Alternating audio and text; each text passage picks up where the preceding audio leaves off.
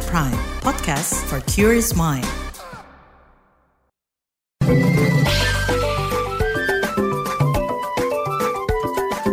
WhatsApp Indonesia.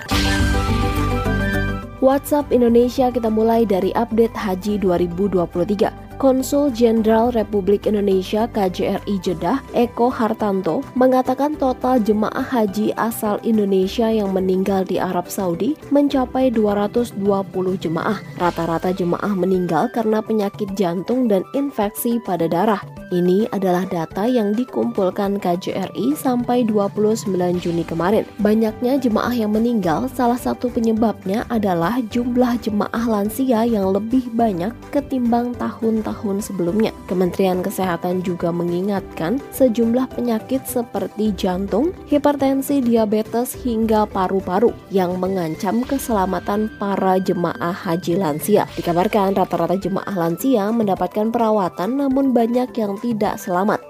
Lanjut ke Yogyakarta. Badan Penanggulangan Bencana Daerah Istimewa Yogyakarta BPBD DIY mengungkapkan ada 137 unit bangunan dan fasilitas rumah yang rusak setelah gempa bermagnitudo 6,4 di perairan barat daya Bantul. Kepada wartawan, Komandan Tim Reaksi Cepat BPBD DIY Wahyu Pristiawan Buntoro merinci 106 rumah rusak, lalu 12 unit fasilitas perkantoran, 5 fasilitas fasilitas ibadah, tiga tempat usaha, tiga kandang ternak, hingga dua fasilitas kesehatan rusak diterpa gempa. Sedangkan Kepala Pusat Gempa Bumi dan Tsunami BMKG Daryono mengatakan gempa ini terasa di daerah Kulon Progo, Bantul, Nganjuk, Kebumen, Ponorogo, Kediri, dan Mojokerto. Belakangan nama Rihanna dan Rihani viral di media sosial. Pasalnya, banyak netizen plus 62 yang melaporkan adanya dugaan tindak penipuan